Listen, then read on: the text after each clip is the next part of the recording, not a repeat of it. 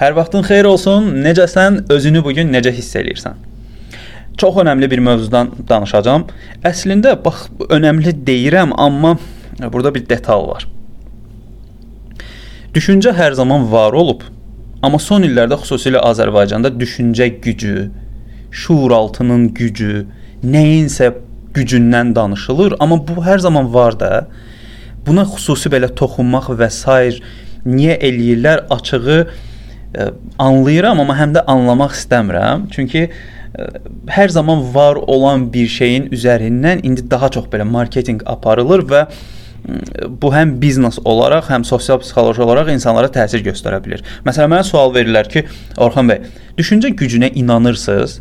Sualın əslində burada özü yanlışdır. Çünki insanın sosial psixoloji strukturu düşüncədən ibarətdir. Məsələ budur da, düşünürük, duyuruq, davranırıq bir növ belə nə düşünürsənsə elə də hiss edirsən, necə hiss edirsənsə elə də davranırsan. Proses sosial psixoloji olaraq belə gedir. Yəni düşüncənin gücü dediyim şey tam olaraq nədir? Yəni onda belə çıxır ki, məntiqlə mən necə bir düşüncə formalaşdırım ki, pozitiv olum, hərəkətə gəlim, vurum, yıxım, hər şeyə eləyim. Məsələ budur. Mən isə burada biraz məsələyə fərqli yanaşıram. Tamam. Düşüncə bizim sosial psixoloji strukturumuzdur. Əla, çox gözəl. Düşünə bilmə prosesi necə olur? Biz necə düşünürük? Mən çox da belə məsələnin akademik tərəfinə gedib beynimizin içərisində olan limbik sistem, hipokampus və s. və s. şeylərdən danışmıram. Prosesin özündən danışıram. Deyirəm onlardan danışmıram, amma onların da adını çəkirəm də həm də. E, ironik oldu biraz. Hə. E, prosesin özündən danışmaq istəyirəm. E, necə olur biz düşünürük? Məsələn, o induksiya, deduksiya var idi də fəlsəfədə. Çox maraqlı idi. Səhv etmirəmsə Sokratın dövründə idi o.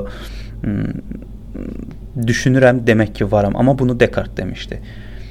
Belə bir şeydir. Tutaq ki, düşünürsən, insan ölümlüdür Sokrat insandır, demək Sokrat ölümlüdür. Bir məntiqi daha doğrusu analogiya, yəni məntiqi ardıcıllıq, məntiqi analiz. Proses budur. Düşüncə mən duyğudan törüyür, başlayır və məntiqlə nəticələnən bir psixoloji prosesdir. Beynin içərisində baş verir. Yəni düşünmək əslində duyğu ilə məntiqin e, bir-birinə paralel şəkildə getməsidir. Yəni Məsələn, birdən olur, e, deyirsən ki, mən bunu gedib alacağam. Okay, get al. Amma alandan sonra peşman olursan. Niyə peşman oldun? Çünki sən onu istəmirdin axı, düşünməmişdin. Həmən belə duyğularına təsir göstərdi və hərəkət elədin, aldın. Düşünsəydin bəlkə də almayacaqdın.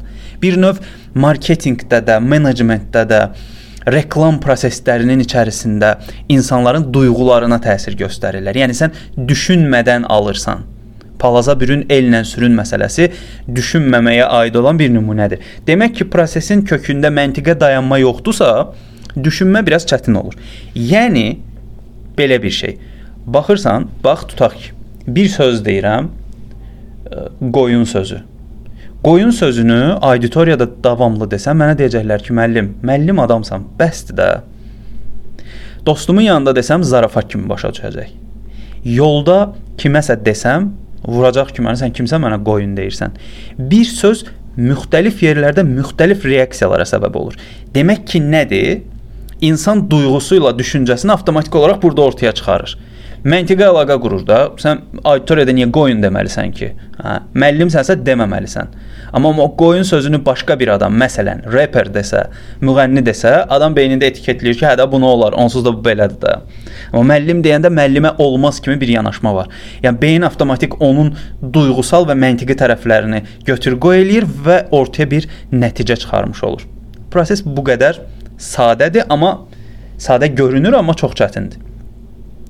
Yaxşı, bu işin güc tərəfi var, düşüncə gücü. Necə düşüncə gücünü formalaşdıra bilərəm və s e, terapiyalar deyirlər. Sonra xüsusi e, metodlar var və xüsusi insanlar var ki, deyirlər ki, mən səndə bu gücü artıra bilərəm və s.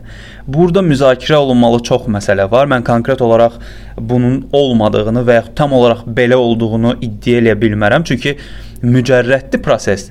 Proseslər mücərrəddirsə sağa sola çoxlu çəkilə bilər də. Ona görə insanların buna qarşı olan arqumentləri var. Və tam olaraq burada proses nədir, necə olur? Hər kəs öz tərəfindən danışır.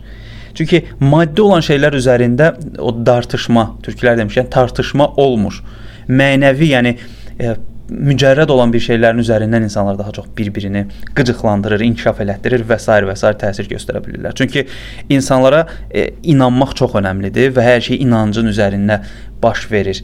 Biz inanırıqsa, əslində bilmirik. Bilmədiyimiz şeylərə inanırıq. Məsələn, heç kim bilmir əslində sevgi nədir. Hər kəs ona uyğun olan sevgi anlayışını görəndə və yaxud kiminsə səsləndirdiyini eşidəndə deyir, "A, nə maraqlıdır, düz deyir, sevgi budur." Amma hər kəs bilir ki, kvadratın 4 tərəfi bərabərdir. Yəni burada maddi yox, mücərrəd məsələ ortaya çıxmış oldu. Olur. Düşüncə gücü şəkillənməyinə görə isə mühitimizdən asılı olur. Doğulduğumuz yer, kənarda ətraf mühitimiz nədir və mən gələcəyi necə görürəm, hansı formada görürəm, bu formada bizə təsir göstərə bilər. Mən isə düşünmək üçün belə bir şey təklif edirəm. Bütün proseslərə üç tərəfli baxmaq lazımdır. Mental, qəliblər, yəni mentalitet bizdən öncə bizdən icazə alınmadan, bizə deyilmədən bizə sirayət edilmiş, yəni bizə məntiqi olmayan, amma etməli olduğumuz şeylər Bunlar mental qəliblərdir. Bunları bu tərəfdən baxmaq məsələyə.